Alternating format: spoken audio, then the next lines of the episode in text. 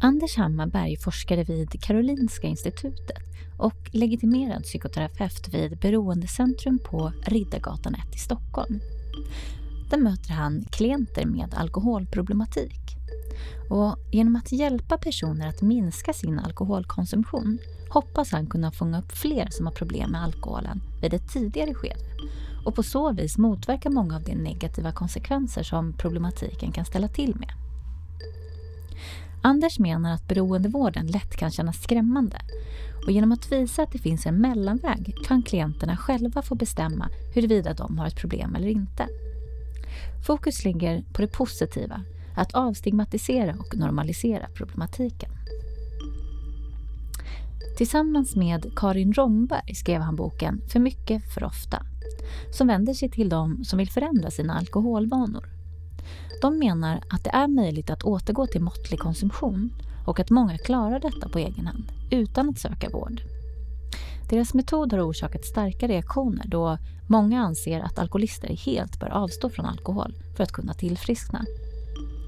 Anders är också en av dem i beroendevården som inte vill tala om medberoende då det inte finns någon evidens för problematiken. Han nöjer sig med att lyfta de anhörigas problematiska situation och hur de skadas av att leva nära någon som har alkoholproblem.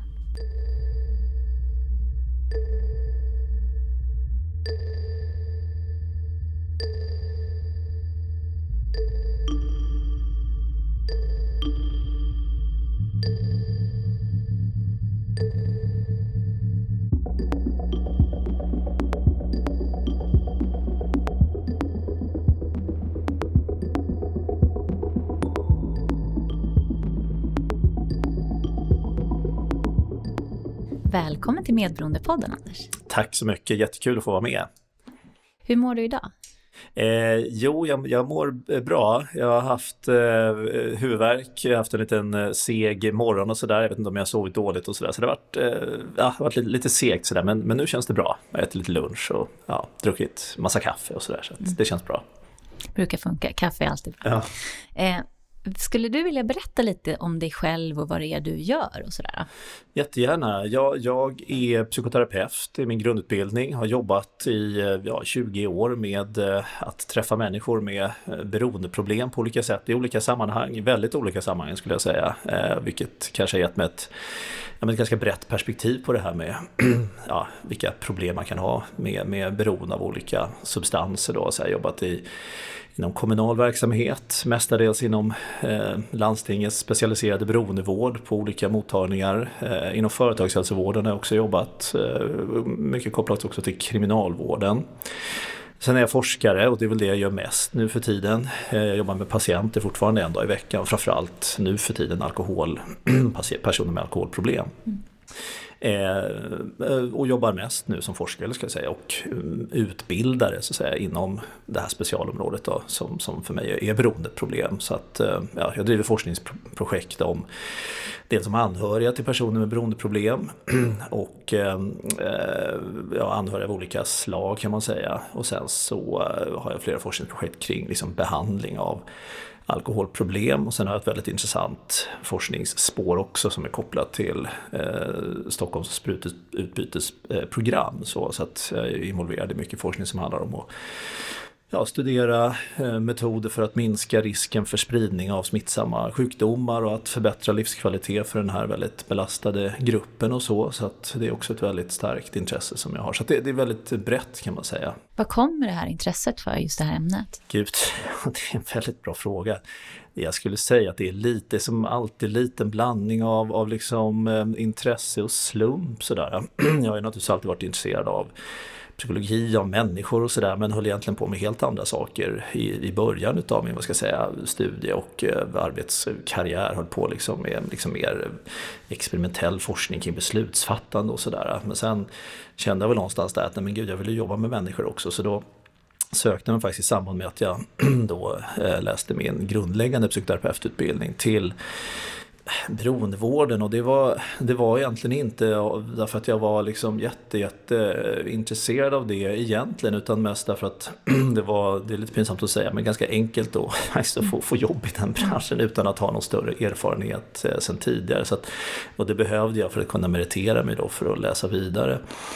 Så att liten slump, men sen tyckte jag liksom väldigt fort att det här var ju väldigt, väldigt spännande och sökte mig då ganska snabbt till eh, liksom olika miljöer för, för liksom forskning och, och utbildning och så. Eh, kopplat då till Karolinska institutet och, och en mottagning där som, som hette Farmakamottagningen. Jag jobbade med Johan Frank eh, och, och annan personal involverad i forskning och behandling där. Så att, och, och, och, då kom jag väl mer in på det från ett forskningsperspektiv också. Så att, ja, men, som sagt, lite slump, lite, lite intresse, lite tur och jag tycker att det är ett jätte, jättespännande ämne verkligen. Så att jag har fortsatt på det och det, ja, det tycker jag är jättekul verkligen. Men du har inga egna erfarenheter av det här på något sätt i familjen? Eller? Jo, det har jag. Eh, jag har inga egna, jag har inga egna erfarenheter så att säga av, av att, så, så som jag tycker i alla fall, ha liksom, beroendeproblem. Men, men jag, liksom så många andra, har ju växt upp Eh, eller tillbringat mycket tid eh, nära personer som har eller har haft beroendeproblem. Så att eh, på det sättet så har jag ju absolut en egen erfarenhet av att se vad det kan ställa till och i mångt och mycket också mm, hamnat i det här liksom med, med att, ja vad ska man säga, bli, bli, bli drabbad på nära håll. Så. Men, men, men jag ska också säga att det, det är ingen av mina allra närmaste så, men, men definitivt personer i, i, i närheten så att säga. Ja, det är en väldigt vanlig sjukdom helt enkelt också, beroende. Absolut, jo det, det, det är svårt. Det är svårt rent statistiskt att inte liksom, äh, träffa, känna eller leva tillsammans med någon med beroendeproblem. Mm, exakt. Eh, en, eh, jag blev så nyfiken, du sa det där med att du har mött beroende personer i många olika jag kan inte citera dig, men några olika varianter eller perspektiv. Mm. Så kan, vill du utveckla det? Det lät spännande. Ja, nej men alltså det, det, det är väl helt enkelt så att personer med beroendeproblem, de eh, vad ska man säga, hittar man i olika sammanhang och eh, där man egentligen hittar eh, vad heter det, med minst antal personer med beroendeproblem är inom beroendevården eh, av det enkla skälet att det, det, dit söker sig inte så många med beroendeproblem av olika skäl som vi kanske kan, kan beröra. Men, men det är ju en, en väldigt stor utmaning som beroendevården har att nå flera. Eh, utan eh, personer kommer liksom i en vårdsituation till exempel i samband med, att, ja, med, med, med arbetslivet. Eh, Vi jobbade mycket med säga, identifiering, utredning och behandling av beroendeproblem i arbetslivet. Där liksom arbetsgivare då kommer med någon som person som man kanske är oroad för eller där det har hänt någonting så att säga. Så får man försöka hantera problemet där. Så det är ju väldigt vanligt att företagshälsovården helt enkelt får hantera eh, framförallt alkohol men även drogproblem. Så. Ehm, ja, så att, och, och, och självklart då beroendevården här i Stockholms län eh, som ju har många olika inriktningar på sina mottagningar. Så. Ehm, och, ehm, så att, men, men, och, och där når man ju en del men, men tyvärr fortfarande då ganska liten andel av de som skulle så säga, ha nytta av eh, mm. beroendevård. Och, och det är där, där jag jobbar nu då, kan ju sägas på en, en, en beroendemottagning som heter Riddargatan 1, mottagning för alkohol och hälsa som ligger under den stora beroendekliniken och Beroendecentrum Stockholm. Eh, där försöker vi liksom ut utveckla metoder som är anpassade för att nå den här större gruppen, alltså den, den, den allra, allra största gruppen med beroendeproblem. Alltså människor med alkoholproblem som kanske inte har eh, så väldigt mycket andra egentligen. Eh, alla har ju problem i livet men, men kanske inte så mycket psykiatrisk problematik eller liksom behov av socialt stöd och sådär utan de är ganska vad ska jag säga, väl integrerade i samhället så att säga, i den bemärkelsen att man jobbar, man studerar, man kanske har gått i pension eller något liknande sådär. Men, men man har inte så trassligt runt omkring utan det, men, men man kan ha väldigt, liksom, väldigt stora problem med alkoholen så att mm. säga. Och man är väldigt obenägen att söka vård därför att det är för den här gruppen förenat med väldigt mycket liksom negativ klang. Liksom. Det är väldigt mycket stigma som ju du eh, vet såklart kring alkoholproblem man skäms. Eh, att söka vård är synonymt med att man sitter på parkbänken ungefär. Va? Det är liksom det man ser framför sig. att stiga in på en beroendemottagning, då har man verkligen sjunkit lågt och så vidare. Va? Så att man, man har mycket av de här föreställningarna tyvärr. Då, och det försöker vi eh, jobba med att förändra så att det, blir, eh, så att det ska bli liksom enklare och mer tänkbart och till och med jag ska inte säga trevligt, men, men, men, men någonting som man känner att ja, men det här var väl inte så farligt på något sätt.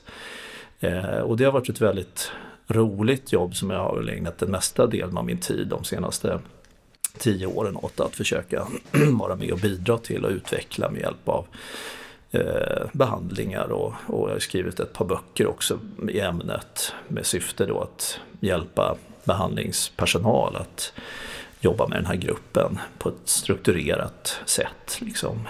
Så att, eh, ja. Lite det är det här, man skulle kunna säga att det här är den här gruppen som, som går citationstecken under, under begreppet eh, högfungerande alkoholister. Eh, det är ju lite, det är ju lite ja, luddigt det, det skulle man väl säga. På. Det skulle man väl kunna säga. Även om du just eh, använder ett begrepp som gör att många drar sig för att, mm.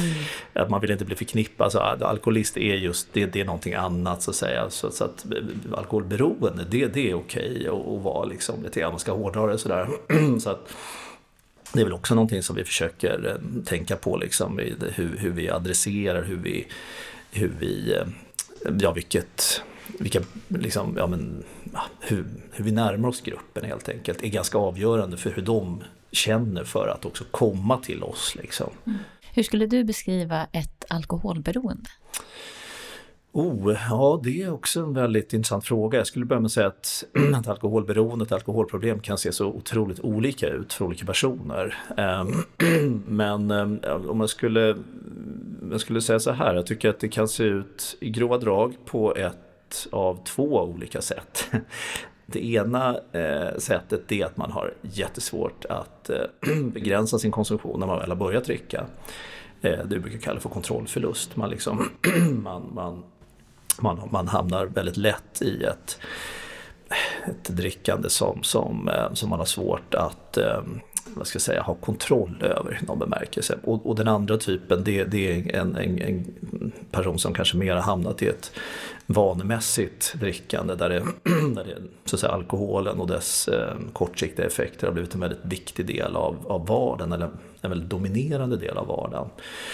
Och sen hur det här liksom tar sig uttryck då för, på, på individnivå kan ju vara eh, ja, men dels att man har väldigt svårt att låta bli att tänka, man är väldigt upptagen utav tankar på alkohol eller situationer där det är möjligt att dricka, man är uppmärksam på omgivningen, på signaler när, när det, när det är, vad ska jag säga, kan, kan, vara, kan vara läge att antingen köpa eller, eller dricka alkohol, så att säga att få, få tag på alkohol helt enkelt. Eh, och det vi kanske kallar för sug då liksom.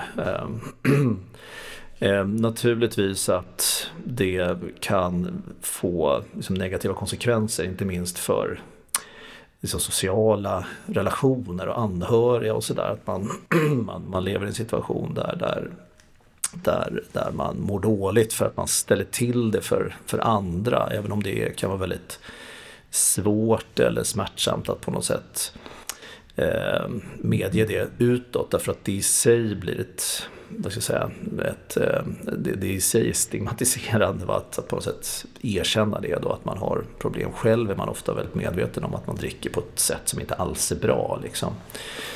Så, så att, äh, ja men, något annat skulle jag säga, det, det är att man länge har kämpat med det här problemet och försökt att själv göra någonting åt det men, men det funkar liksom inte riktigt. Man, man faller tillbaks i gamla vanor. Inte därför att, inte för att man egentligen vill utan därför att mm, man, man har svårt att låta bli och, och, vet inte hur man ska bete sig istället för att dricka. Och, och det är väl där jag tycker att många kan ha nytta av att få stöd och hjälp under en period för att liksom styra om sina beteenden och tankar och så i liksom icke alkoholrelaterad riktning. Liksom. Och det kan vara väldigt svårt att, att göra det själv. Så. Skulle man kunna säga att det är någon skillnad på alkoholberoende och alkoholmissbruk? Um, ja, um, ja, missbruk är ett, liksom ett, ett um, begrepp som, som um, faktiskt i diagnoskriterierna är utrangerat nu för tiden. um, och så av lite olika skäl. Men i, i det begreppet så brukar man ju lägga att drickandet har, vad ska jag säga, går ut på ett väldigt negativt sätt mm. över omgivningen eller att man försätter sig i riskfyllda situationer eller att man råkar ut för saker eller begår liksom kriminella handlingar av olika slag. Så att jag skulle säga att jag tycker det är så himla svårt att, säga om det är någon skillnad egentligen. Nu har man ju liksom bakat ihop mm. beroendebegreppet och missbruksbegreppet till en enda stor egentligen diagnos om vi pratar utifrån ja, de här bedömningsverktygen som vi har i vården idag. Sagt att det är egentligen ingen skillnad. Det är inte liksom olika typer av personer som hamnar i ett missbruk eller ett beroende utan dricker du för mycket alkohol under för lång tid då kan du drabbas av problem som ser ut på olika sätt. Olika personer liksom, vad ska man säga, får olika typer av problem med alkoholen. Eh, och det kan vara den typen av drickande så att det går ut över omgivning och, och så vidare. Eller det kan vara eh, drickande som, som eh, framkallar de här problemen som jag tidigare nämnde. Att man känner sug, att man drabbas av kontrollförlust och, och så vidare. Och naturligtvis ofta att olika ska säga, problem eller kriterier hänger ihop. Liksom, så. Men som svar på din fråga så skulle jag väl egentligen säga att ja, det verkar inte liksom, egentligen finnas fog för att skilja på liksom, beroende och missbruk utan det är nog bara olika uttryck för ett och samma problem kan man säga. Mm. Eh, jag tänker att vi går in lite mera på, på eh, bland annat då den här boken som du har skrivit tillsammans ja. med Karin Romberg. Ja. Eh, som heter För mycket för ofta. Just. Och om jag har förstått rätt så är det som en självhjälpsbok för måttligt drickande. Det kan man säga. Precis. Vill du berätta om boken och vad det är för metoder som ni Absolut, mm. och, då vill jag också säga att det, det här är metoder, eller i, i, boken så försöker vi beskriva metod för att komma fram till längre om man är en person som, som eh, kan dricka alkohol. För, för så är det att det finns ju det finns en grupp som inom citationstecken inte kan det eller inte bör det därför att man har, man har för svårt att kontrollera sin konsumtion och det ställer till med för dåliga konsekvenser och då bör man ju inte dricka alkohol och att pröva det på ett strukturerat sätt om man är en person som inte kan det, då kan det vara enklare att acceptera det på något sätt att nej men jag är en person som, som inte förmår hantera min alkoholkonsumtion så att jag bör avstå. Så att boken är Eh, vad ska jag säga, primärt såklart ett, ett sätt att försöka dra ner på alkoholkonsumtionen och dricka på ett bättre sätt. Men det kan också vara ett stöd för en person som vill försöka avstå helt från, från alkohol så att man kan använda den på båda sätt så att säga. Men eh, bok, boken är grundad på kan man säga kognitiv beteendeterapi som ju är liksom en, en metod som används i många olika sammanhang för att, så att säga, förändra eh, livsstils, eh, olika livsstilar, menar, kost, motion och, och, men också behandla olika andra psykiatriska tillstånd, depression och ångest och liknande. Så det är en vedertagen metod och motivationshöjande samtalsmetodik, att man utgår från att åstadkomma en beteendeförändring måste handla om att man på något sätt själv sätter upp sitt mål för förändringen och jobbar utifrån eh, de fördelar som man tycker att man kan ja, se framför sig med att göra den förändringen. Sen är det en steg för steg metod till att börja med, ett sätt att försöka självdiagnostisera sig kan man säga. Har jag alkoholproblem, alltså dricker jag för mycket, ligger jag över riskbruksgränserna, ställer det till med problem för mig, att man får hjälp med att strukturera tänka kring det. För att alla är inte medvetna heller om att de dricker för mycket, eller vilka problem det egentligen ställer till med eftersom det har blivit just en sån här vana. Vad skulle man kunna säga att den där gränsen går då någonstans till att man har en hög, för hög alkoholkonsumtion? Ja, det är en jättebra fråga. Där har ju vi i Sverige legat väldigt högt jämfört med internationella eh, andra, andra länder. Vi har ju haft en riskbruksnivå då som ligger på 14 standardglas per vecka för män och 9 för kvinnor. mycket tyder på att vi kommer att sänka den gränsen idag. Att de allmänna riktlinjerna kommer att sänkas till 10 glas per vecka för att mer harmonera med, med andra länder och den forskning som finns att alkohol kan ställa till med skador vid mycket lägre konsumtion. Så, att säga. så, att, så det är ju det så att säga, kvantitativa måttet. Så att säga. Men sen ska man alltid väga det mot att vad, vad ställer alkoholen till med för problem och den kan ju ställa till med problem vid en lägre konsumtion än 10 glas. Att man, måste, man kan inte bara tänka liksom så här, hur mycket. Nej. Nej. Eh, utan det är också viktigt då att säga så här, hur, hur mår jag av mitt drickande? Liksom, och hur mår andra av mitt drickande? Och, och, och, vad skulle det betyda om jag drack mindre? Vad ser jag för fördelar med det och så?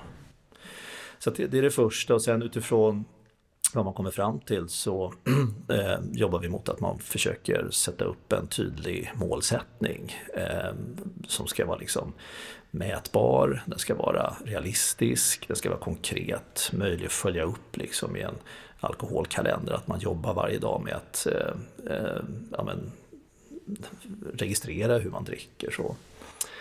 Eh, sen får man noga gå igenom vilka risksituationer, vilka riskfaktorer man har för det vi säger liksom oönskad konsumtion. Eh, titta på typiska saker som här, kanske personer som man dricker tillsammans med som kan vara liksom riskfyllt eller eh, andra yttre faktorer. Liksom. Eh, årstider, tidpunkter på dagen eller veckan eller, eller olika tillställningar, högtider. Alltså man går igenom noga vilka situationer börjar se upp med. Och sen eh, eller, eller inre riskfaktorer, alltså hur jag mår. Dricker jag när jag mår dåligt för att må bättre och så vidare. Så att man blir uppmärksam på vad som triggar en att dricka på ett dåligt sätt. Liksom. Och sen är det ett antal liksom steg för steg ska säga, eh, moment som handlar om att försöka hitta strategier för att förändra sitt beteende. För att vår erfarenhet är att när drickandet har blivit en väldigt etablerad vana så är det ingenting man bara kan förändra som genom en snilleblixt. Det är i alla fall väldigt svårt och det är mycket enklare om man man brukar ju säga att beteendet kommer först och sen kommer liksom tanken och känslan på något sätt. Och att man ändrar beteendet först och så ser man hur det känns och hur det blir. Och efter ett tag så har den där nya så att säga, vanan satt sig. Men, men, men det kan vara väldigt svårt och kräver mycket tanke och energi i början av förändringen. Men eh, rent konkret handlar det om att hantera antingen den här problembilden med att man dricker för mycket när man dricker. Och då handlar det om att försöka, ja det låter ju så töntigt på något sätt, men hitta sätt att försöka dricka lagom när man dricker. Inte dricka för snabbt, bestämma hur länge ska en enhet räcka. Eh, varva med vatten, dricka alkoholfri. Alltså hitta de här metoderna som funkar för just mig. Liksom. Och den andra problembilden då, om man dricker för ofta, så gäller det att kanske identifiera vad ska jag göra istället för att dricka. Eh, speciellt i de här situationerna där jag är van att dricka. När jag kommer hem efter jobbet, när jag känner mig nere. Liksom, vad, vad hittar jag för alternativa beteenden som kanske fyller liknande funktion som alkohol? Träning brukar ju vara sånt där som folk hittar på istället och, och göra sådär. Så det är de två tunga bitarna i metoden. Sådär.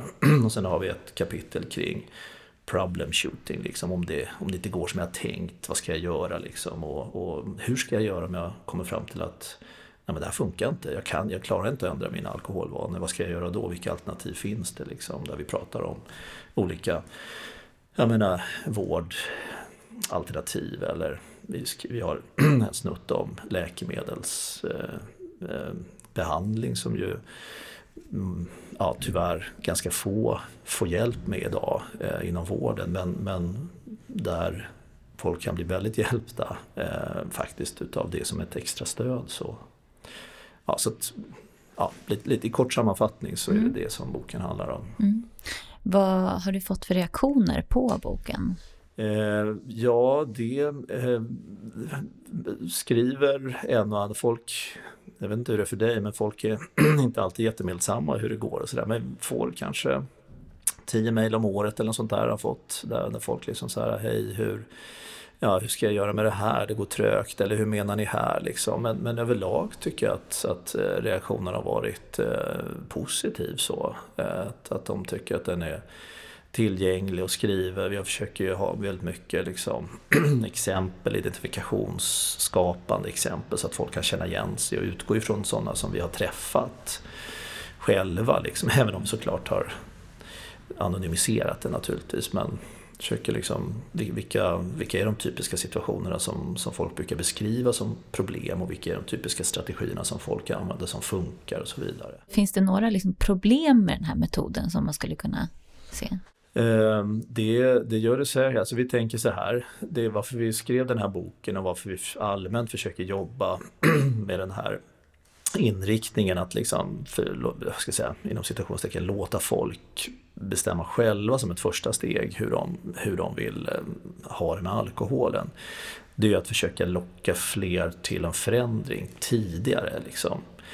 Eh, den stora utmaningen är att folk försöker göra förändring av sina alkoholvanor för sent. Man väntar för länge och det vanliga skälet är att man, man vet inte var man ska vända sig. Man, man tycker inte att man ser några alternativ, man, man är rädd för beroendevården eh, och så vidare.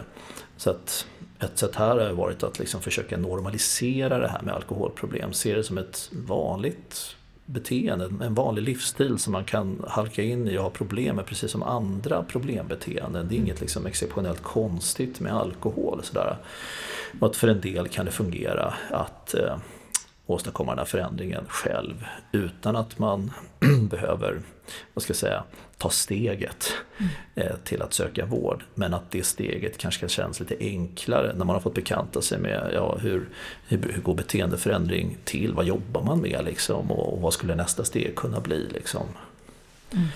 Eh, sen om folk kommer till oss på Riddargatan då har vi ju en hel, en hel arsenal av olika eh, inriktningar. Man får gå igenom en bedömning först och sen har man ett samtal där man liksom förutsättningslöst liksom pratar om vad, vad blir nästa steg och då kan det vara tolvstegsprogram. Vi har en tolvstegsterapeut hos oss, jätteuppskattad och har jättemycket liksom, eh, besök. Det kan vara återfallsprevention där man jobbar mot helnykter målsättning under en period. Det kan vara den här metoden mot att försöka dricka måttligt. Det kan vara motivations, motivationshöjande samtal. Det kan vara läkemedel.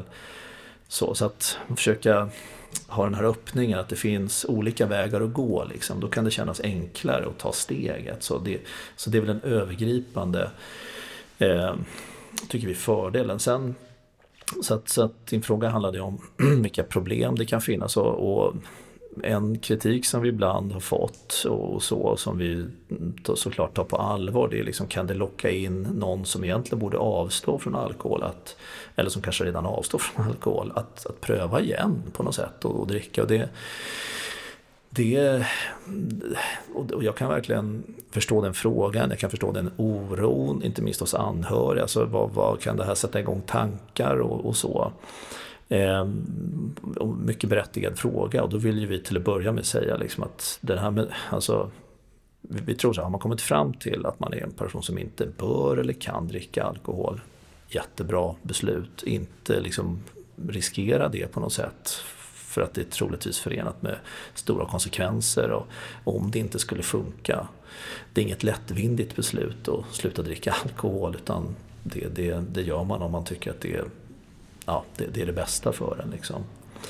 Ehm, men risken kan ju såklart finnas. Det vi tänker då, det, det bör man väga mot ska säga, den här kunskapen som vi har att liksom 9 av 10 personer som har alkoholproblem inte söker vård liksom, och inte ja, de väntar för länge. Och det är ju liksom det är en miljon svenskar liksom, potentiellt som förlänger sina hälsoproblem och sina ja, men allt som är förknippat med en för hög alkoholkonsumtion. Eh, att man väntar för länge och så hinner det hända så himla mycket dåliga saker på vägen. Liksom. Kanske i onödan. Så att om man tog det här steget tidigare så kanske man skulle undvika mycket av de dåliga konsekvenserna. Liksom.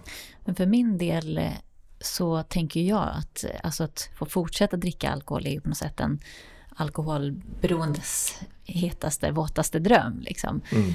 Eh, och jag tänkte på det här som du sa när du beskrev alkoholberoende, det här med mm. att, att så mycket av den vakna tiden går åt att tänka på mm. att dricka alkohol.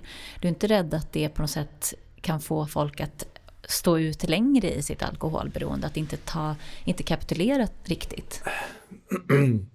Jo, jag tycker bara att min, min bittra erfarenhet på något vis, det, det är att folk, eh, folk kämpar så himla länge med den här frågan ändå, hur de ska göra hit och dit. Och jag känner mig inte så orolig att den där kampen skulle förlängas genom att vi på något sätt försöker hjälpa. Alltså, tanken här är att försöka snabbare komma fram till egentligen om man är en person som klarar av att hantera alkohol eller inte. Därför att man på något vis får hjälp med de metoder som har fungerat för andra. Annars, annars blir det lättare att man på något sätt om man ska hårdra det lite så har beroendevården hittills fungerat lite så här. Ja, vill, vill, du sluta dricka? Välkommen, vi har skitbra metoder för dig. Liksom.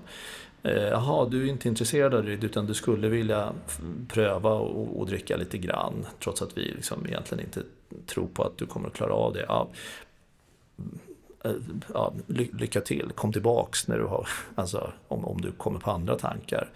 Så att just det där att få hjälp med hur man faktiskt ska bete sig om man vill pröva om man är en person som klarar av att dricka. Det, det har man inte, som inte riktigt fått hjälp med. Så att vi märker att våra personer som kommer till oss då, de är ju liksom de blir ju förvånade när det, när det liksom finns den här möjligheten. Och ganska ofta så får jag den reaktionen att okej, okay, när jag förstod att det här, jag kan citera en person som jag hade på besök för inte så länge sedan. Han sa så här, när jag förstod att det här inte var ett binärt problem, alltså av eller på, antingen eller, då ringde jag. Alltså att det finns en mellanväg, att i alla fall prova, då, då tar man steget. Annars är ju risken stor att den här personen fortsätter att dricka på det här problematiska sättet, kanske 5-10 år till, tills det verkligen inte finns något alternativ. Liksom. Men där är ju min erfarenhet, alltså det, det är tvärtom då, att mm. det ofta krävs på något sätt att man går så långt att man känner att nu vill jag inte längre, nu vill jag sluta dricka. Mm. Och att det är på något sätt då man kapitulerat inför problemet och verkligen kan ta emot hjälp. Mm. Eh, vad, hur tänker du kring det? Jag tänker att eh, det finns en hel del forskning som tyder på att det är inte det typiska sättet, eh, eller typiska, vad ska man säga, scenariot för när folk ändrar sina alkoholvanor. eh, utan det, det är mer så att det, det är det man oftare hört talas om på något sätt. Eh, utan det vanliga sättet det, det, är att människor tänker att fan jag vill, jag vill jag vill, eh, det här är inget bra, eller det händer saker, man, man drabbas av någon sjukdom eller man, man känner att arbetsprestationen går ner. Jag måste förändra mitt drickande och, och då gör man det på egen hand så att säga, utan att egentligen ta kontakt med, med vården eller, eller, eller med någon annan. Så verkar det se ut för de flesta som gör den här förändringen. Eh, så att jag ska inte säga att det är en, det är en, det är en myt. Det gäller säkert för en del att man på något sätt måste, det måste hända något. Man måste, det måste hända något jätteproblematiskt liksom innan man på något sätt gör den här jätteförändringen då och avstår helt Eh, varför är det så viktigt att kunna fortsätta, alltså få dricka alkohol? Ja, det är en jättebra fråga. Alltså, mm.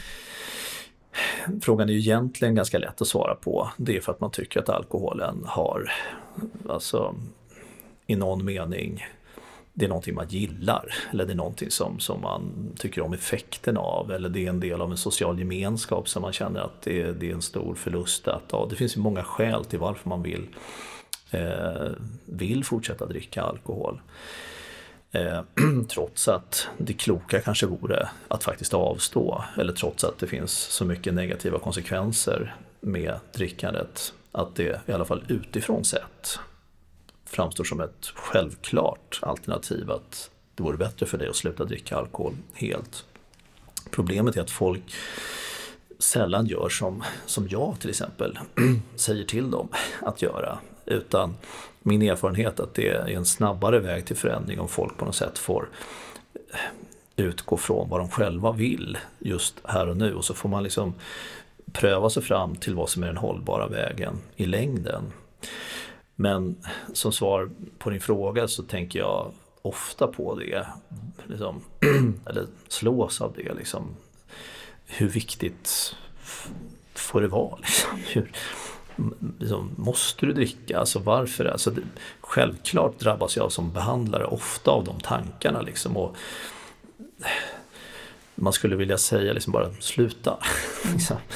Men problemet då det är att personen försvinner och jag, kan inte, jag får inte möjlighet att träffa den igen för att man på något sätt bryter alliansen när man pratar terapeutspråk. Sådär. Så, mm, jag menar, ja. Mm. Men jag tänker ju att, alltså att eh, min erfarenhet det är ju också att, eh, att just en sån person som kanske där och då eh, inte stannar hos dig liksom, när du mm. upp, alltså verkligen adresserar det här riktiga problemet. Att det ändå kan vara någon slags startpunkt till att den så småningom kanske kapitulerar och verkligen är beredd att ta emot hjälp på riktigt. Ja, nej, men jag, jag, jag förstår det och, och ja, Nej, men när jag jobbade med inom företagshälsovården och vi hade mycket utbildningar med, med, med chefer och liksom personer som jobbade nära personer med alkoholproblem. Då, då försökte vi alltid förmedla det att det, det viktiga är att man säger något, att man gör något. Mm. Liksom. Man kan sällan förvänta sig att få jublande reaktioner eller så här, ja, du har rätt så, men, men att man reagerar och, och, och säger till, det sår ett frö, att ofta, kan, ofta kanske det är, är tillräckligt. Att, att man bara fattar att det här alltså mitt drickande märks. Det är, det är en sån himla signal, speciellt om det kommer från, från någon in i arbetslivet för att det är så viktigt för människor. Liksom. Så att eh, jag förstår din poäng. Jag, jag tror däremot har man, har man tagit steget att söka vård, då, då är man ganska känslig man vill ju på något sätt, vi har ju ett behov i människor att vara autonoma, känna att vi på något sätt styr själva över hur vi väljer att ha våra liv. Så att säga. Och där tror jag att jag kan som behandlare gör störst nytta om jag kan försöka hjälpa människor att komma fram till själva och spegla liksom vad, vad, vad ger det här för konsekvenser. Inte rygga för att um, liksom lyfta fram dem och diskutera dem liksom och, och, och så. Men att så lite som möjligt säga till folk hur de ska göra. Men mm. ja, jag vet inte, det finns säkert andra som, som skulle säga något annat. Mm. Liksom. Men det är min erfarenhet i alla fall. Jag tror att, eh, jag, som jag förstår ändå när jag lyssnar på dig, eh, så finns det ändå någon slags, ursäkta, någon slags grundtanke att det här kan vara ett första steg. Om man läser i den boken, mm. det är ett första steg in i en större insikt kanske. Eh, men jag upplever ju liksom när media, när du har varit med i intervjuer och så vidare, att det snarare framstår som att man som alkoholist, visst, man behöver inte sluta, man kan visst lära sig att dricka måttligt. Eh, och det tänker jag ju spär på så mycket av det här som så många kämpar emot, ska jag mm. säga. Alltså anhöriga som lider enormt av det. Och mm. eh, är du alkoholberoende så tänker jag att, och även de beroende som jag pratar med, att tankarna på alkoholen, alltså även om du slutar och faktiskt intar den, tankarna på alkoholen är ju också en, den här mentala besattheten. Mm. Och att man mår dåligt av det. Mm. Och det är det jag känner lite grann. Att uppmuntrar man liksom inte det lite grann då? Att... Jo, jag tror, jag tror ett problem som ofta uppstår när man kommunicerar kring alkoholproblem, det, det, det blir en begreppsförvirring. Mm. när jag säger alkoholberoende, då utgår jag från de liksom diagnostiska kriterier som finns för alkoholberoende som ju idag är, liksom, ja, beroende på vilket system man använder, 11 stycken. Och eh, då kan man, och det är en annan erfarenhet som jag verkligen har, att man kan, man kan ju vara så oerhört olika mycket alkoholberoende. Eh, så att, alltså att vara alkoholberoende för mig, det innebär inte att man, stä, alltså, det innebär inte att man att alla personer som är alkoholberoende ständigt går runt med tankar och kring alkohol, en önskan om att dricka, ständigt helt tappar kontrollen över sitt... Alltså, ibland upplever jag att för vissa så är liksom beroendediagnosen, det är, det, den är reserverad för de som som inte kan dricka alkohol alls eller som, alltid, som har de allra svåraste problemen. Och det är klart, då blir ju, då blir ju då blir ju då blir ju resten blir ju i någon mening då liksom riskbrukare eller jag vet inte vad man skulle kalla dem. Så att jag, tror, jag tror helt enkelt det handlar om att jag, jag och många andra med mig har ett bredare, en bredare definition av vad alkoholberoende är och är kanske inte det som någon annan skulle kalla alkoholberoende. Det här blir lite krångligt men jag tror ändå att det är ganska viktigt för jag tycker ofta när man pratar med människor som kanske från början är ganska negativa till det här tänket. Det handlar bara om att de har en annan syn på vad alkoholberoende är. De kan också i många fall tänka sig att personer med alkoholproblem kan återgå till ett måttligt drickande. Men de kallar inte de personerna för alkoholberoende utan då är man riskbrukare så att säga. Medan jag, enligt mitt sätt att säga, skulle mm. kalla dem att de, de har ett beroende. Kanske inte så kanske inte det allra svåraste utan kanske ett måttligt beroende eller ett lindrigt beroende. Men man uppfyller fortfarande liksom beroendediagnosen. Det kanske blir, det kanske blir lite, jag vet inte, lite akademiskt här men ändå ja, för att liksom förmedla kanske en skillnad i, i mm. terminologi snarare än, än en skillnad i ja, synen på problemet. Liksom. Mm, mm. Nej, för jag tänker, du sa ju det också att, eh, att om du kan fånga upp de här tidigare så behöver mm. det inte gå så långt. Mm. Eh, för man säger ju det att alkoholism eller alkoholberoende är en progressiv sjukdom, att det mm. ofta eskalerar. Så jag kan verkligen förstå den mm. idén, den tanken så.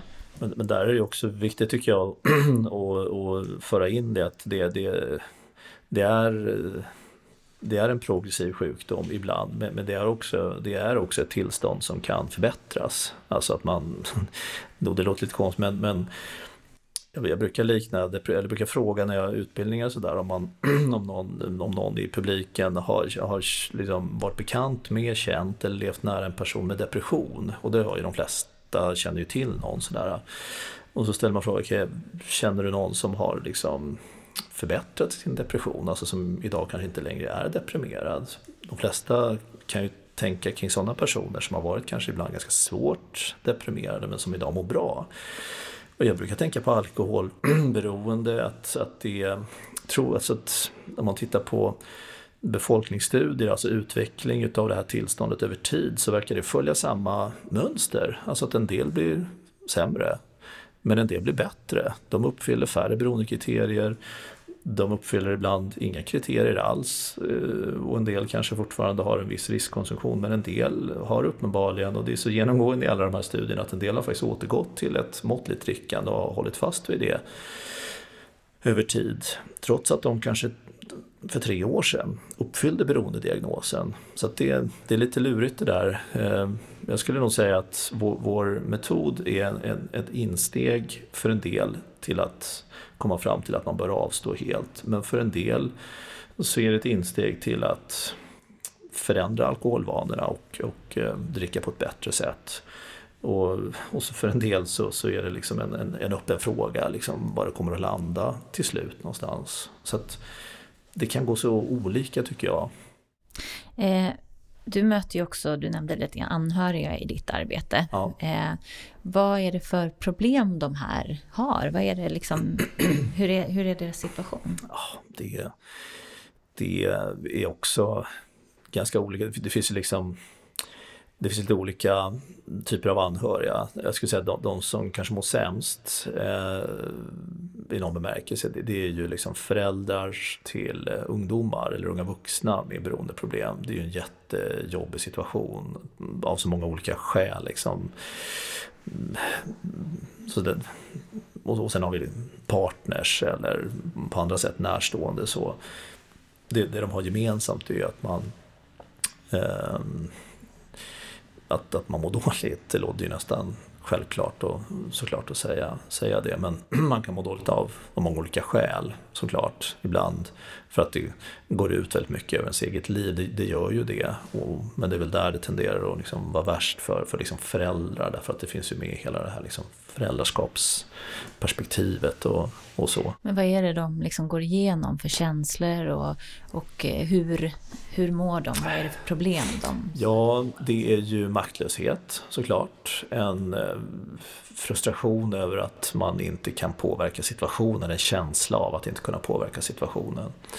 Eh, ilska såklart, sorg eh, naturligtvis, oro, eh, rädsla för vad som ska hända, rädsla för vad som kommer att hända framöver. Eh, att man inte vet hur man ska bete sig för att det ska bli bättre. Det, det är ju en jätteviktig del i att i den här känslan av maktlöshet, att man inte vet hur man ska förändra. Att man själv har en känsla av att man gör fel, alltså man vill rätt. Men man märker att de metoder som jag använder för att förändra, man kanske skäller, man gnatar, man tjatar, man försöker distansera sig och det verkar liksom inte fungera bra hur man än gör på något sätt. Så att man, det är som att vara i ett moment 22 liksom. Man får råd från olika håll, alla råd är olika, alla säger olika och ja, just den där känslan av att inte veta hur man ska bete sig, det, det, det är många som känner igen sig i. För du skriver i, eller du säger, svarar på en, i en intervju i tidningen Accent, så säger du att det finns däremot studier som visar eh, att den som lever med någon som är beroende utsätts för belastning, har fler somatiska symptom ofta har ångest och depression. Ja, absolut, ja, det, det missade jag att säga, men, men så mm. är det. Mm. De, mår, de mår sämre. Och ett annat också att det är en grupp som, är, som har varit lite osynlig eh, inom vården. Liksom inte, vi märker ju själva det att beroendevården som ska hantera anhöriga som ju är så himla, det är de som nästan ringer mest till oss och frågar så här, hur, vad ska jag göra liksom. Är inte anpassad för att möta deras behov. De får inte vara patienter hos oss till exempel. Vi får egentligen inte träffa dem och hjälpa dem därför att de har inte själva beroendeproblem så att då kan de inte, ja, så det, det finns vissa sådana där i psykiatrin, det finns ju ingen det finns ju ingen diagnos för, för att vara anhörig liksom, utan de, de, de är liksom ospecifikt mår dåligt så och um, de kan möjligtvis få hjälp då med, med sina depressiva eller ångestproblem så där. men de hamnar liksom lite mittemellan så. Men, men de mår dåligt. Och ändå så är det ju faktiskt så enligt svensk lag att anhöriga har rätt till hjälp. Ja. Men... Eh, det ligger hos kommunen, för, eller i de flesta mm. fall, så, så finns det ju ibland eh, anhörigprogram och sådär. Mm. Men det ser väldigt olika ut. Det skiljer sig. Ja. Verkligen.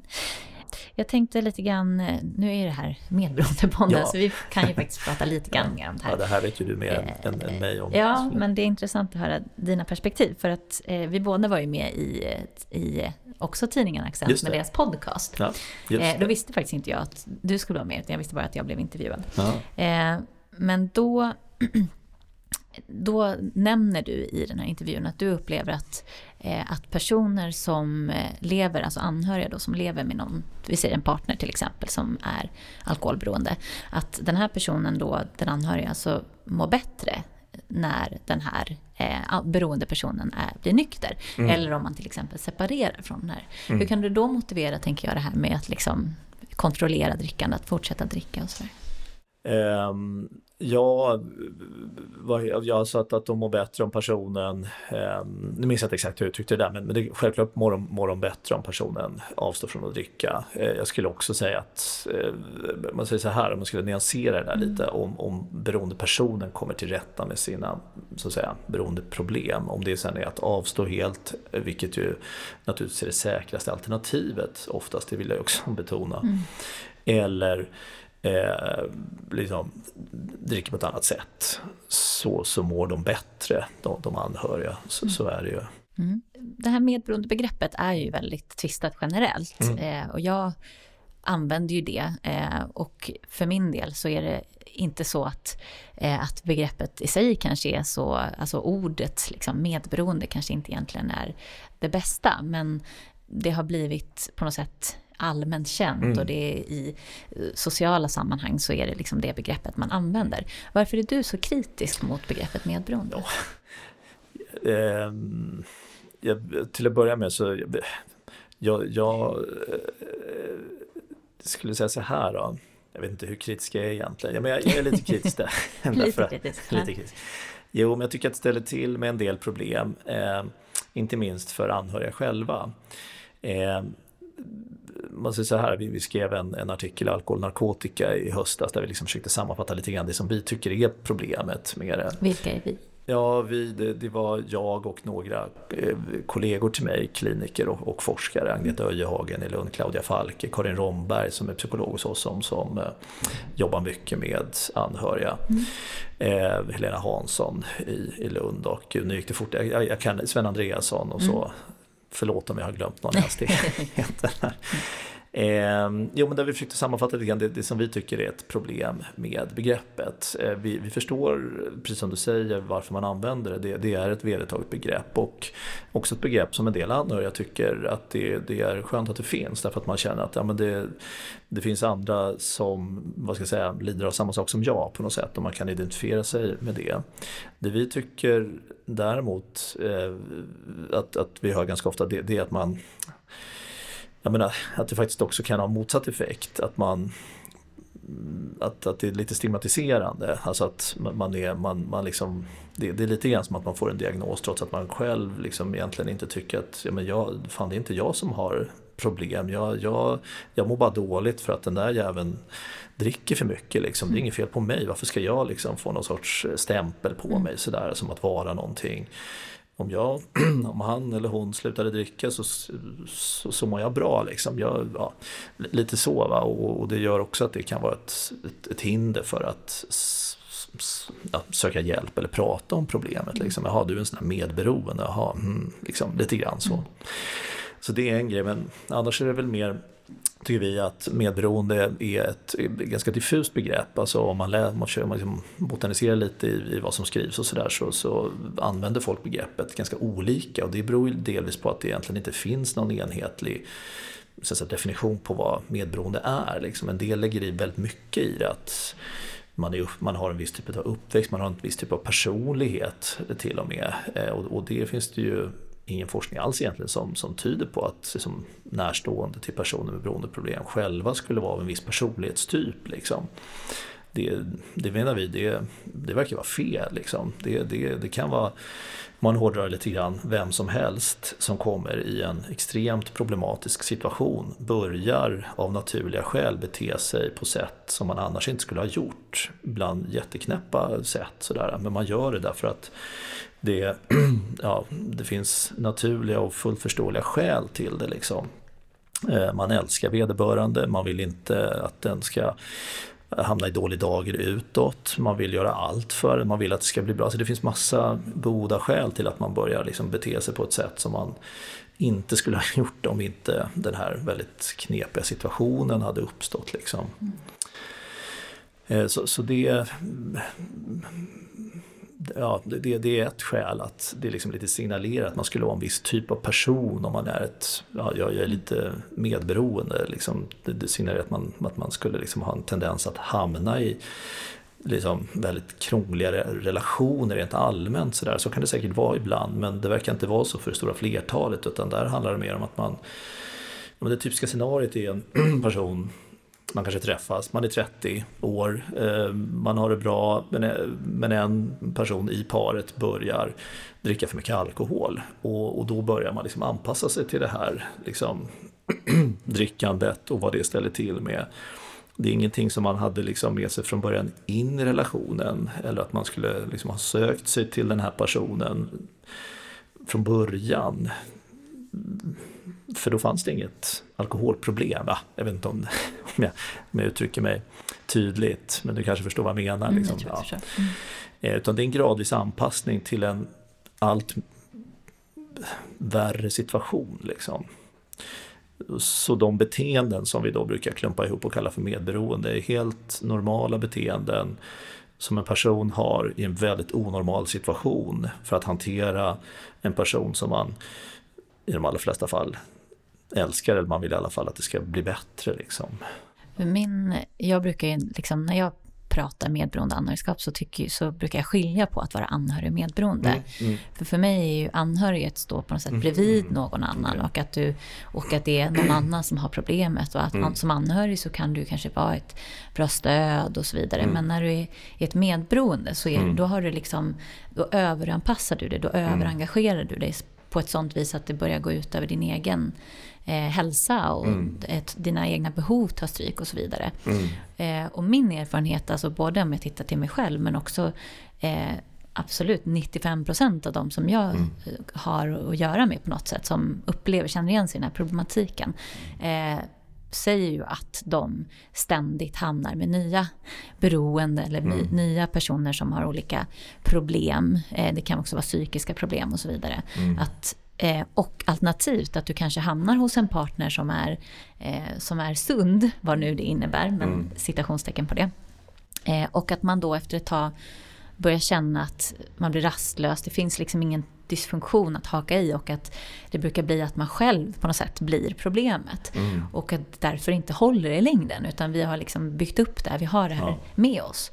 Eh, och du som psykoterapeut har du jobbat som, eller hur? Mm, mm. mm. Då pratar man inom anknytningsteorin, mm. tänker jag. Och där är det ju också lite grann det här, eh, alltså att man, man brukar prata om att det är de här tre första åren som man mm. präglas väldigt mycket av eh, det här, den här anknytningen som man egentligen behöver ha med sin förälder mm.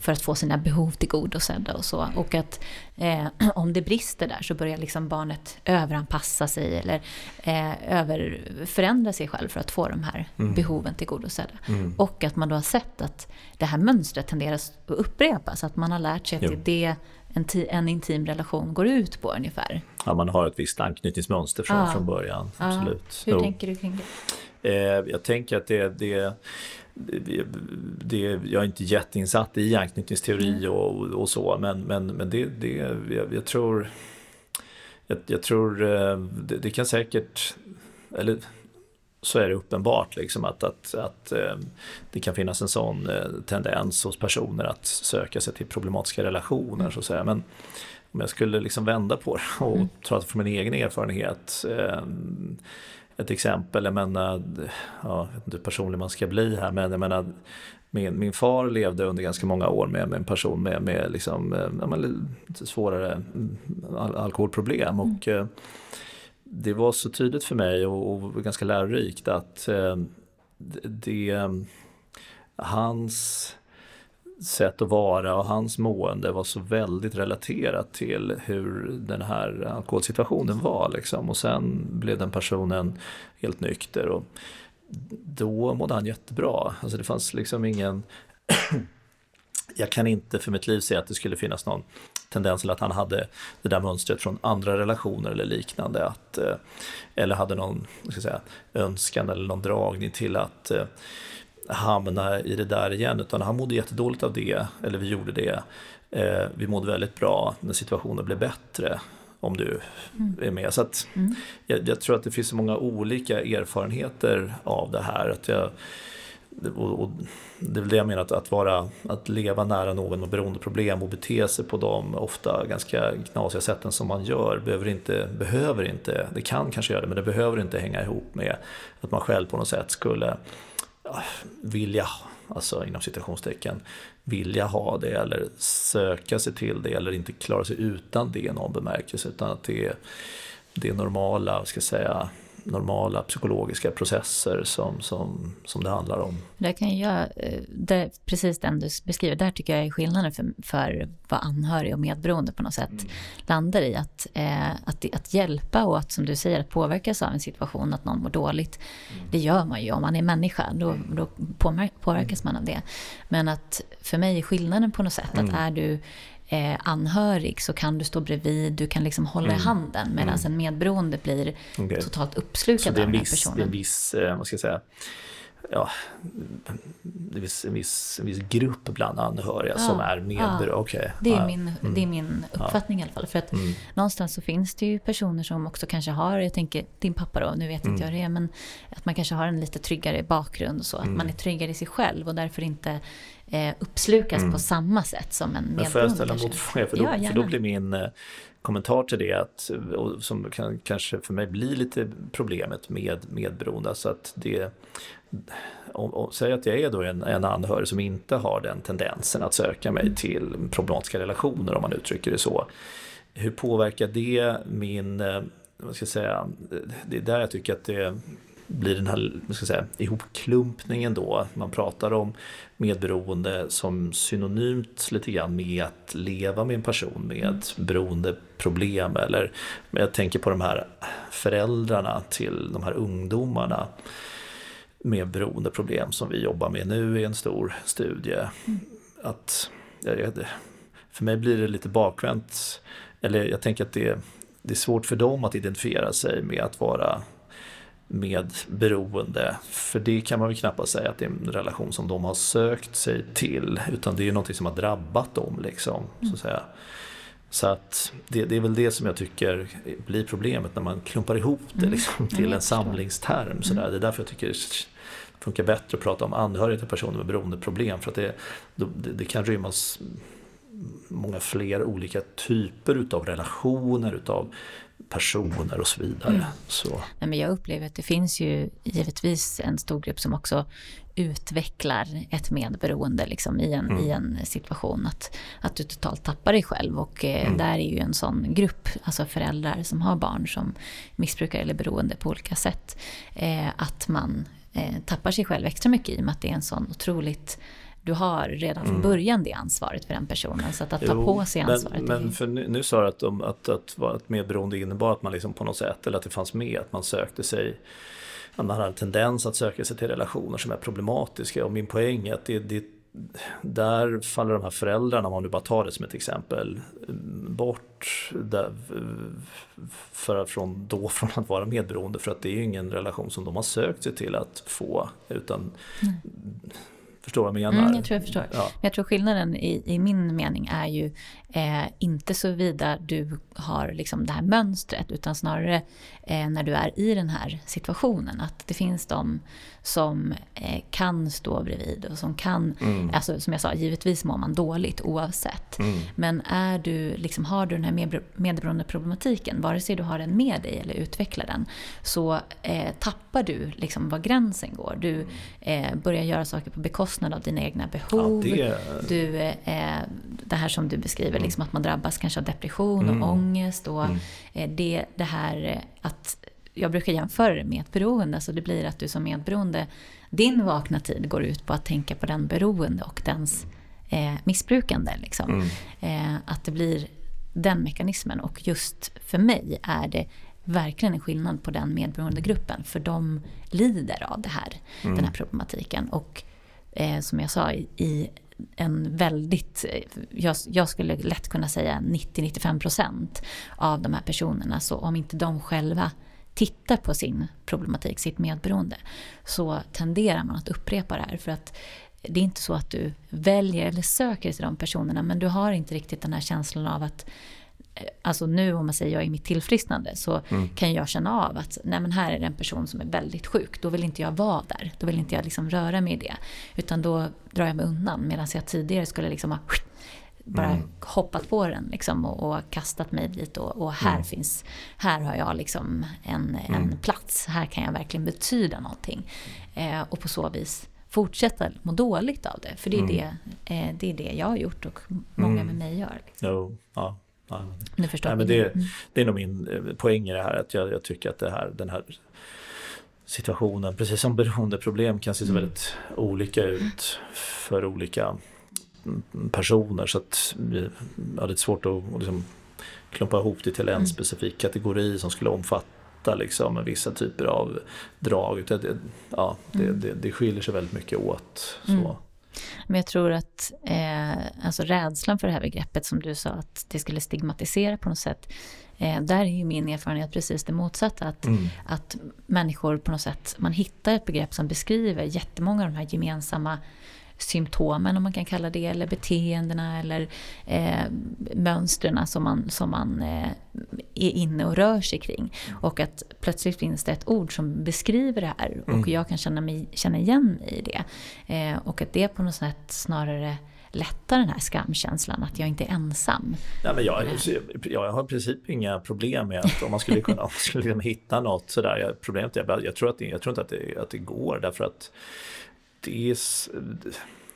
Jag menar du, jag tror du nämnde det själv på hemma, alltså 20 procent av Sveriges befolkning har en erfarenhet av att leva hyfsat nära någon med beroendeproblem.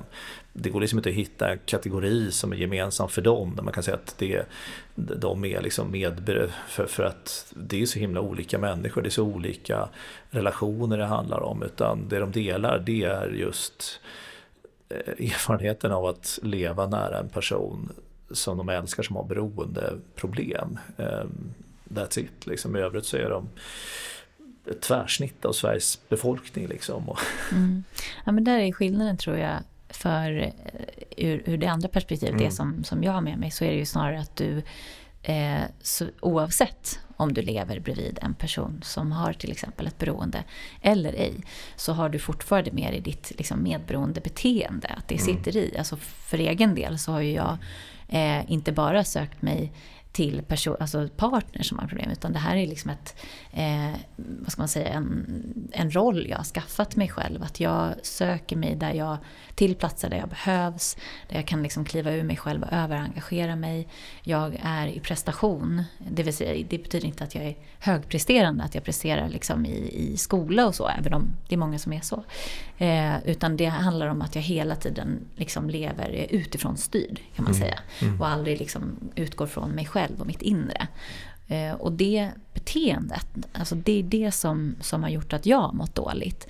Och när jag på något sätt hittade medberoendebegreppet, jag var jätte, jätte, jag förstod inte alls det, jag tyckte det var väldigt konstigt.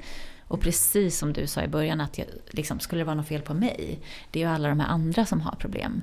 Men att leva med någon som har ett kanske mer uppenbart eller kritiskt problem gör ju inte att jag mår bra eh, för det. Utan jag kan ju må dåligt. Nej, bara det att inte upp, bara inte se, och, Precis. Ja. Det är liksom kanske inte i, i den relationen upplevs jag som den mm. som mår bra, mm. citationstecken. I, i, i jämförelse helt mm. enkelt.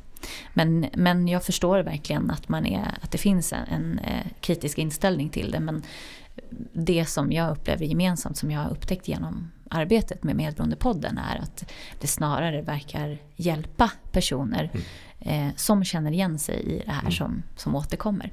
Det tänker jag lite som med, med ett eh, beroende, att det finns ju gemensamma nämnare, även om det kan ta lite olika uttryck. Mm. så.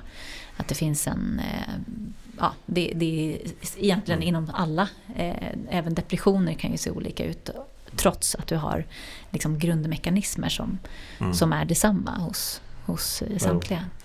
Um, då kan man ju, eftersom jag då är forskare och tänker mm. lite från olika, så tänker jag att det kan ju vara så att man, man söker sig till personer som känner igen sig i en själv också. Mm. Att, och, och, det är väl det som är Eh, medan de som inte känner igen sig, då, de, de träffar man inte. Mm. Man ska vara lite eh, så här, för att de känner inte igen sig. Mm. Så, så det kan ju finnas en liten självuppfyllande profetia i det också. Att här, här är alla som, som vi och då betyder det att alla är som oss lite grann. Mm. Sådär. Så att det kan ju finnas en sån Absolut. risk. Liksom. Och, och, och, ja, det, det... Det, håller jag med om. Men där, det där igenkänningen tänker jag också är ju någonting, om man, om man vänder på det, det är ju också någonting vi har med oss när vi till exempel hamnar i en relation med någon som är beroende. Det finns ju också den här igenkänningen mm. eh, där som gör att man söker sig dit.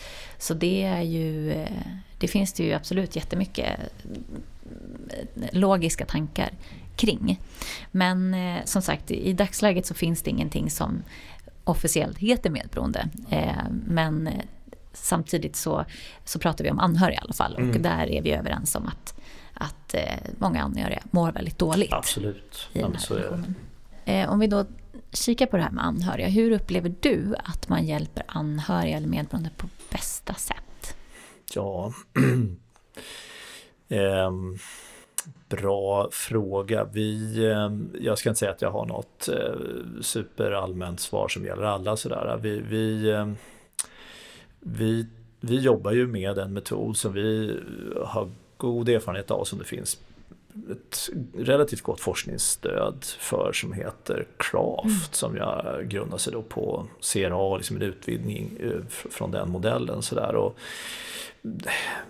den handlar ju om att eh, både försöka hjälpa den anhörige med sitt eget psykiska mående och fysiska naturligtvis, att försöka hjälpa dem att må bättre. Både för att det är viktigt i sig men också för att möjligheten att på något sätt förändra situation eller att hjälpa den med beroendeproblem ökar ju om man liksom inte mår för jävla dåligt.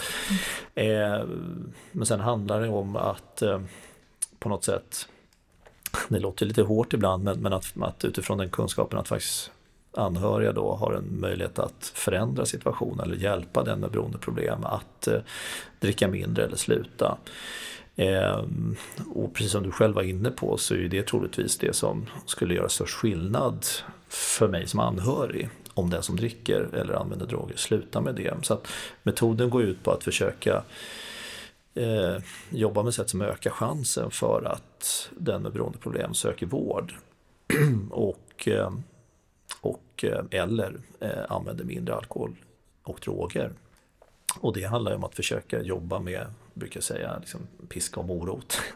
eh, försöka jobba med att eh, hitta alternativa beteenden, alltså jobba med att eh, liksom försöka hitta situationer, aktiviteter som den med beroendeproblem gillar att göra som inte är drogrelaterade. Göra mer av det, man pratar enkelt. Öka chanserna för att göra det vid rätt tillfällen och så vidare. Men också att försöka komma åt det här som man ibland pratar om som, som möjliggörande. Alltså att eh, man, man ibland, och det är väl det som kanske många lägger som framförallt kanske betoningen på i det här med anhöriga, att man, man eh, men man kanske krattar i manegen, man ska säga, man ser till att försöka hjälpa den med bron att det inte blir för stora konsekvenser utåt. Man kanske städar, man kanske ringer släktingar och vänner och säger att ja, vi kan inte komma idag för att vi är sjuka, typ, fast det egentligen handlar om att man är för bakis. Alltså det är, man, eller man skjutsar ungarna till ridningen trots att det är den andra personens tur egentligen. Man, man fixar och trixar och sådär, försöker identifiera vad, vad kan jag sluta med utav det så att de som drickandet får den konsekvensen som det egentligen skulle ha liksom, så att inte jag är inne och petar för mycket. Så att mm, jobba med båda de delarna, jobba med hur man kommunicerar med den som har beroendeproblem. Hitta det bästa sättet att prata kring en förändring, hitta det bästa tillfället att prata om att söka vård, att undvika att, som man ofta kanske gör, man pratar vid fel tillfällen och på fel sätt inom citationstecken. Då. Man, man kanske skäller och gnatar och tjatar när vederbörande är berusad. Då gör det ju ingen skillnad alls, så säga. men att försöka hitta de här tillfällen där det faktiskt kanske är bättre chans att, att lyckas. Så att, det, det, är en, en metod som vi jobbar med. Men vi, vi studerar även mer förutsättningslöst andra modeller för anhörigstöd som man redan jobbar med, exempelvis inom socialtjänst och den landstingsdrivna vården och sådär och, och jämför det med den här craft-metoden till exempel för föräldrar. Det finns mycket som tyder på att de metoder som man jobbar med faktiskt är, är bra. Liksom. Ja, det var ett långt svar på Nej, din fråga. Men eh, jag tänker en, en, ytterligare en aspekt bara på det här med anhörigskap och så. Eh, hur upplever du, nu pratade vi om att man kanske mår bättre om den beroende slutar dricka. Mm. I en, vi ser du har klienter som ändå kanske blir nyktra. Mm. Eh, upplever du att de anhöriga då mår liksom jättebra och allting är löst för dem? Eller hur ser det ut där?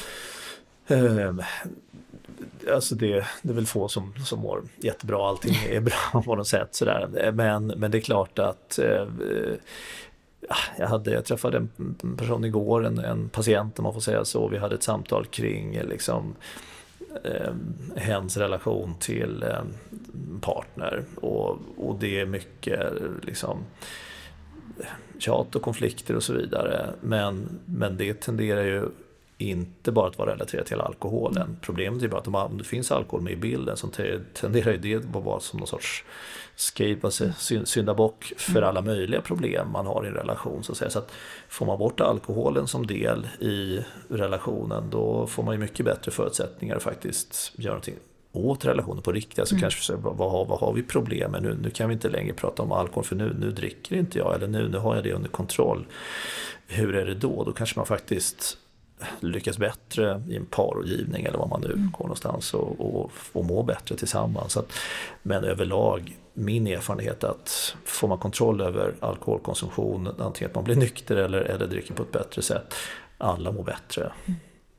Så, så är det ju. Mm. För det är väl där som jag kan känna att det är en så stor grupp som upplever, alltså som när vi säger att vi tar ett sånt där typexempel att eh, mannen har ett alkoholberoende och får, tar slutligen tag i det och blir mm. nykter. Att det är så vanligt att de anhöriga, eller den anhöriga frun då säger vi, mm. att hon då istället börjar kontrollera nykterheten. Liksom. Mm. Att hon börjar bli sådär, ja men har du eh, varit på din mm. behandling eller har du testat att du inte har druckit eller att det blir det mm. där. Liksom, att man fortsätter det här mm. beteendet. Det är väl det som jag känner är eh, liksom det största problemet mm. hos anhöriga eller medberoende eller vad man vill pratar kring? Ja, vi brukar försöka eh, när vi jobbar med eh, personer som söker till oss, då försöker vi alltid involvera anhöriga, att de följer med på ett eller flera samtal där vi ibland pratar om, om det. Att det, det, dels är det normal Alltså, det, det är något helt normalt att man som anhörig, man är ju jättekänslig för drickande. Man, mm man, man är uppmärksam av naturliga skäl för att man är så orolig för att det ska bli som det har varit förut. Liksom. Så det är ju inget konstigt. Eh, så vi försöker normalisera det beteendet och så försöker vi prata om vad, vad kan du, mm, liksom som, om man pratar om den som har haft eller har beroendeproblem, vad, vad kan du göra för att underlätta, om man tar ditt exempel, för, för din fru så att hon slipper och så här oro. Finns det någonting finns någonting ni kan göra tillsammans liksom, för, att, för att komma bort från det där, för att så snabbt som möjligt normalisera liksom, relationen. Så där. Det, mm. det kan vara alla möjliga lösningar som man kommer på. Det, det viktiga är att få en dialog. Som, all, all, alltså att prata om alkohol i relationer där det funnits alkoholproblem, det är nästan alltid förknippat med väldigt negativa grejer. Så att det, är det bra, då undviker man att prata om alkohol och allt som har med alkohol att göra. Vår erfarenhet är att det är bättre, det är då man ska prata om det. liksom. mm. hur, hur ska vi göra? Eh, kan jag berätta för dig när jag tycker att det är jobbigt? Kan jag berätta för dig när jag är sugen på att dricka? Ja visst, gör det. Det är mycket bättre för mig att veta hur det, vad som händer i ditt huvud än att stå utanför och gissa. Så att döda lite myter som man kan ha i relationer. Att undvika att prata det, det, kan man bli hjälpt av genom att komma tillsammans. Liksom, och, och ja, just det där att fortsätta kommunicera kring alkoholen. Så där. Men du, du nämnde i början där att du håller på med någon, någon forskning kring det här med anhöriga. Mm. Har du lust att bara nämna något lite? Eh, det, vi, vi, vi har ju liksom fokuserat lite grann på den här craft-metoden då. Mm. Så att, eh, ett, ett forskningsprojekt, jag har en, en eh, doktorand som heter Karin Romberg. Hennes eh, projekt går ut på att försöka hitta nya, eller, ja, nya sätt att eh, ge craft som inte tidigare studerat. Så vi har just avslutat ett internetbaserat projekt där man har fått ta del av den här metoden då eh, via internet och via en behandlare som sitter liksom bakom en skärm. Att Man kommunicerar via text då med, med filmer och sådär. Så det är ett sätt, nu ska hon göra en, en studie om eh, craft i grupp. Det, det är faktiskt inte studerat förut så det håller vi på att planera för. Sen är en, en annan doktor som heter Ola Siljeholm som håller på just med det här föräldraperspektivet kan man säga. Så att vi har en, en eh, studie på, på som är kopplad till Maria Ungdom och fram till Stockholm här i, i Stockholm för just föräldrar till ungdomar med drogproblem. Då. Eh, och en annan studie som man har, det är alldeles krångligt att beskriva för att det handlar om att försöka med hjälp av ett föräldrastödsprogram och Craft hjälpa personer som lever tillsammans med någon med alkoholproblem och där det finns ett barn, så att säga, i minst ett barn då. Eh, att, att stödja den här, så att säga, nyktra eller friska föräldern eller, ja, mm. till att eh, orka vara en bra förälder och att samtidigt försöka förändra liksom, dryckes, eller, ja, beroende situationen då, så att, säga, att jobba med craft gentemot den som dricker. Så att säga. Eh, också en internetbaserad eh, behandling. Så, så det, det, är hans projekt. Så det, det, är lite olika inriktningar i de här projekten. Så. Men just där, där sa du någonting, just det här med barn som växer upp som har kanske en förälder med, med ett beroende. Ja. Liksom, hur, hur upplever du att de präglas av det? Så?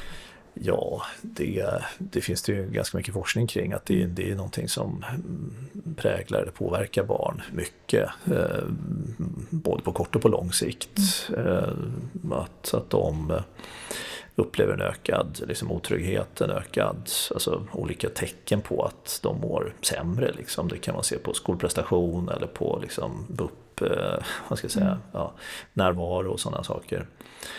Eh, och liksom allmänt psykiskt och fysiskt mående. Så, att, så att det, det, det, det är verkligen en och de, de är, det, är, det är ganska många, mm. alltså rent mm. statistiskt sett, som, som drabbas. Ja, för det är väl den här gruppen som jag upplever att man kanske främst faktiskt lyfter och, och oroar sig för när det kommer till just det här att, att alkoholen ska fortsätta finnas mm. med liksom, i, i familjen. Så den gruppen ja. tänker jag väldigt mycket på. Absolut. Just till exempel att man ska då lära sig eh, dricka måttligt eller mm. så. Att det fortfarande kanske skada barnen. Liksom. Eh, det, det är sån här, ja, en, en mm. sån eh, känsla som, som jag upplever och en reaktion som kommer från många håll. Liksom. Jo, nej men Nej men det, ja, visst är det så.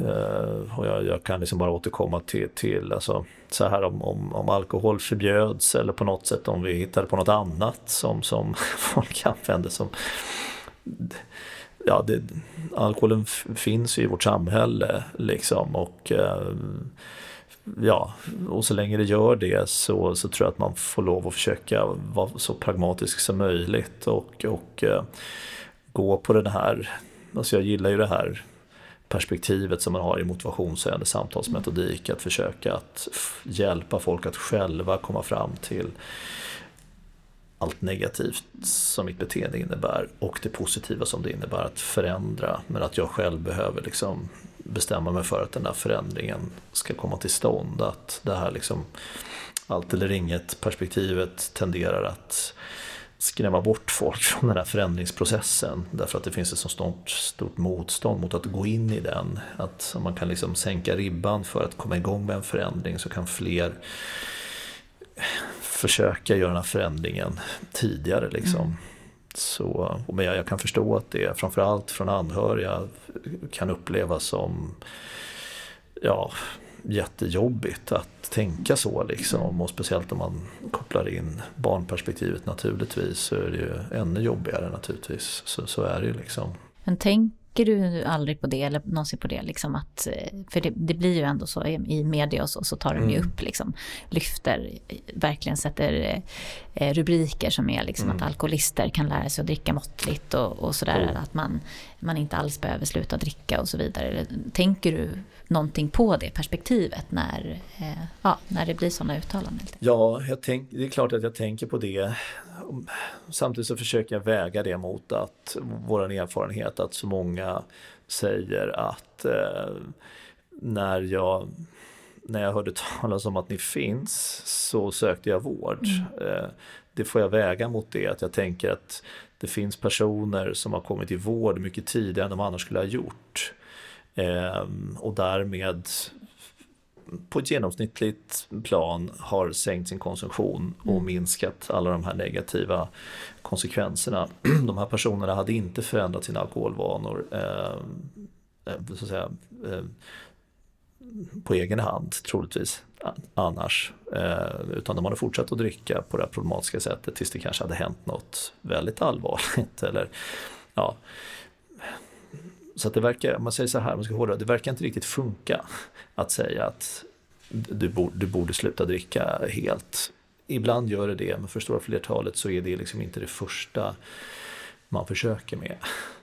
Det jag har hört, det, det är ju också att eh, det har blivit lite en sån här eh, en, en sån grej som, som eh, alkoholister eller alkoholberoende personer, att man använder det lite som att, mm. men läs här, mm. eh, man kan visst dricka när man är alkoholberoende så. Mm. Eh, och att den, det, blir, det kan ju också bli en, en myt jo. då som sprider sig. Liksom att, så nej, men det gäller att betona att, att uh, det finns de som kan mm. och så finns det en, en stor grupp som, som inte kan. Uh, så att det, det, bara för att vi säger att, att det kan vara möjligt att pröva betyder inte att det är möjligt för alla. Det är jätteviktigt att, att betona det. Liksom. Mm. Men en sista fråga, för att, eh, innan vi avrundar lite grann. För i många sammanhang när vi pratar om anhörigskap och sådär, så är det ofta, eh, upplever jag i alla fall, när jag läste kanske intervjuer och så med dig, och att det blir mycket att det inte finns någonting som stöder till exempel det här med att eh, personer som anhöriga, att de fortsätter söka sig till någon annan som är eh, beroende om mm. man separerar från en, en tidigare beroende eller så vidare. Men finns det några studier som liksom bevisar det motsatta? Alltså, förstår du vad jag menar?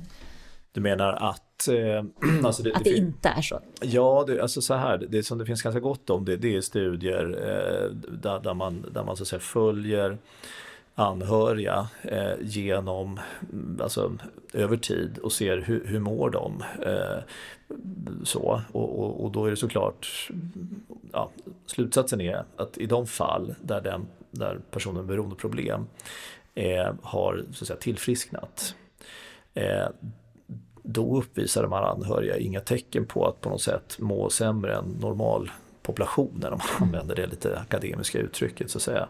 Att eh, det, det, är det faktum att, att de lever med någon som dricker som gör att de mår dåligt. Inte något underliggande ska säga, personlighetsdrag på ett genomsnittligt plan i alla fall. Utan om man skulle hårdra det så, så, är det i de allra flesta fall helt vanliga människor som har hamnat i en jätteproblematisk situation som innebär att de mår mycket sämre och beter sig på sätt som de annars inte skulle ha gjort. När problemet vad ska säga, försvinner, att beroende problemet liksom försvinner, då, då är de som alla andra.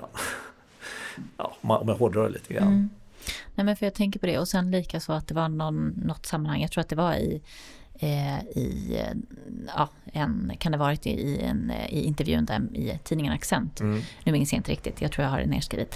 Eh, så, så lyfter du också det här med att det inte finns någonting som stöder att Eh, att då personer som växer upp till exempel med, i missbruksmiljöer, att man fortsätter söka upp de här personerna. Och det tänker jag också säger emot det här med anknytningsteorin lite grann. Så jag mm. undrar också om ja, det, det fanns något. Det finns i alla fall ingen så här, det saknas ganska mycket forskning överhuvudtaget mm. kring det faktiskt. Det, det, det, har vi letat ganska mycket efter. Mm. Alltså frågeställningen om du, alltså så här, växer upp i en problematisk miljö mm. eh, och, och, det kan ju både vara beroendeproblem men det kan ju också vara att växa upp i en miljö där det förekommer annan psykisk mm. problematik. Mm. Liksom. Eller våld. Mm. Ursäkta? Eller våld. Eller, ja, ja absolut. Mm. Eh, så är ju risken större att man själv, vad ska jag säga, eh, ja, men dels att man, att man, att man får, får egna problem av olika mm. slag, att man mår sämre och så vidare. Att det, det, det är en försämrad prognos helt enkelt. Eh, men men att, att de personerna skulle ha en tendens att liksom vända sig mer mot relationer där, där, det, där det finns beroendeproblem. Jag har i alla fall inte hittat någon liksom som, stödjer, som stödjer det Nej. riktigt. Så att säga. Eller att de flesta, alltså så här, om man skulle göra en, en tvärsnittsstudie av liksom anhöriga i Sverige, alltså anhöriga till personer med sig alkoholproblem. Mm. Att de i, i flera alltså, i hög utsträckning skulle vara uppväxta i miljöer där också förekommer alkoholproblem, vilket ju skulle liksom vara hypotesen då. Mm. Det saknas forskning om det kan man säga. Jag har inte lyckats hitta någon sån nej. i alla fall. Men ingenting som man säger motbevisar det? Liksom, nej, alltså. nej, men det fanns å andra sidan ingenting som bevisar att det faktiskt nej. är så. Liksom. Men den här ärftlighetsaspekten då, tänker jag, med mm. beroende som man pratar om. Mm. Vad, vad tänker du kring det, eller vad säger du om det? Det är inte mitt expertområde, men, men att det finns en, en ärftlig eller genetisk komponent i beroendeproblem, eh, det, det, det, det verkar vara tämligen säkert. Mm. Att vi, att vi, vi ärver egenskaper, eh, vi ärver rent konkret olika, vi, ser olika ut upp, upp i hjärnan som gör att vi reagerar olika på alkohol och droger. Vi omsätter alkohol olika bra. En del är mm. allergiska mot alkohol, en del kan dricka väldigt mycket och bryta ner stora mängder vilket är en ökad risk. Så att, att vi rent biologiskt är olika predisponerade för att utveckla beroendeproblem. Det är liksom helt okomplicerat för mig. Mm. Så det kan ju också vara en aspekt i liksom den här upprepningen också kan man tänka. Ja, och eh, liksom en, en stark ärftlig faktor är ju någonting som vi alltid tar upp med de som vi besöker. Alltså har du, har du liksom en mor, alltså, har du mormor, farfar, säger som Marcus Hailey brukar säga. Uh, mormor, farfar, farmor, pappa, uh, uh, två brorsor, alkoholproblem. Du kan dricka jättemycket och bli aldrig bakis. Ta det jävligt lugnt med alkoholen för att troligtvis är du en person som har svårt att ha koll på alkoholen och det säkraste för dig är kanske att avstå helt. Mm. Ungefär så, så brukar han säga och jag skulle säga ungefär likadant. Men om man nu eh, känner igen sig och jag tänker det här du har pratat med Craft och så här. Hur gör man för att eh, ta hjälp hos er? Oavsett tänker jag om du är, upplever att du har ett problem med alkohol eller som anhörig. Mm, ja, jättebra fråga och eh, Sverige ser ju tyvärr ut eh, på väldigt många olika sätt beroende på var man bor mm. och, eh, och så. Så det är svårt att ge något allmänt råd. Eh, jag skulle säga så här att om man Eh, om man är eh, man, man, kan vända sig till första bra instans. Eh, man kan ringa alkohollinjen till exempel för att få stöd eh, och rådgivning. För de känner väl till hur det ser ut i olika delar av Sverige, var man kan söka vård och vad som finns. Och så, de är jätteduktiga på det. De är också duktiga på anhörigfrågor. De är utbildade i har jättefrågor frågor kring anhörigskap och kan jobba en del med det och framförallt ge tips och råd. Eh, det finns också alkohol Alkoholhjälpen som är en internetbaserad, eh, alltså som, som en hemsida med, med ett forum och sådär där man kan få ja, Vi har en hemsida som heter anhörigstödet.se där man kan gå in och få en viss information och också läsa om våra studier. Ehm, så det, det... Men hur gör man om man vill eh, få hjälp hos er så att säga, eller söka sig till e-klinik? Ehm, ja, man, man, till oss, det enda villkoret vi har det, det är att man tar kontakt själv till... Eh, Som om du är beroende då? Ja, om man är beroende. Eller har problem med alkohol. Kanske. Precis. Mm. Vi har i viss utsträckning också möjlighet att hjälpa anhöriga nu. Mm. Vi har grupper för anhöriga. Eh, Beroendecentrum Stockholm då som är minst, den största, liksom, stora kliniken, där, där, där, har vi behandlare på olika mottagningar som är utbildade i anhörigstöd. Så att det finns eh, möjlighet. Sen har många kommuner också runt om i, i, Sverige erbjuder strukturerat anhörigstöd. De, alltså, kommuner och landsting ska enligt lag erbjuda anhöriga stöd. Sen hur det ser ut i praktiken regleras via olika krångliga mm. lokala avtal. liksom. eh, så det är väldigt svårt att säga allmänt hur man ska göra. Mm. Nej, jag tänker snarare om det är någon som kanske känner att men det du har berättat idag, att det låter som en, en bra väg och någonting för dem. Liksom att man, kan man ringa till er eller hur? Ja, till oss på Riddargatan kan man ringa om man, är, mm. om man eh, vill om man har frågor eller man vill ha hjälp om man har alkoholproblem. Då. Vi vänder oss då eh, till personer med alkoholproblem. Är, man yngre än 25 då kan man vända sig till eh, livsstilsmottagningen som är en annan mottagning som är inriktad på yngre personer som ligger under Maria Ungdom. Mm. Ehm, så, så att ja, är man anhörig till personer med drogproblem så, så finns det en anhöriggrupp där också. Vi har en, också en utmärkt eh, verksamhet som heter Anhörigskolan. Ehm, så att eh, man, säga, man kan hitta den informationen på Beroendecentrum Stockholms hemsida. Det blir lite Stockholms... Jag tänker att vi ja. lägger ut och, och länkar lite ja, grann också. Eh, så att man kan finna liksom vägar till, till er eller annan mm. hjälp. Eh, jag är jättetacksam Anders för att du vill vara med. För vi har ju lite olika erfarenheter och tankar kring mm. de här sakerna. Men det är också därför det kan vara intressant att vädra det. Men jag är jättetacksam för att du kom hit och eh, mötte det och delade så fint. Eh, tusen tack. Tack så jättemycket. Det var jätteroligt att få vara med, verkligen. Tack. Tack. Vill du komma i kontakt med Anders eller Riddargatan 1 så kan du gå in på www.riddargatan1.se. Boken heter För mycket för ofta och finns att köpa i alla bokhandlar, även nätbokhandel.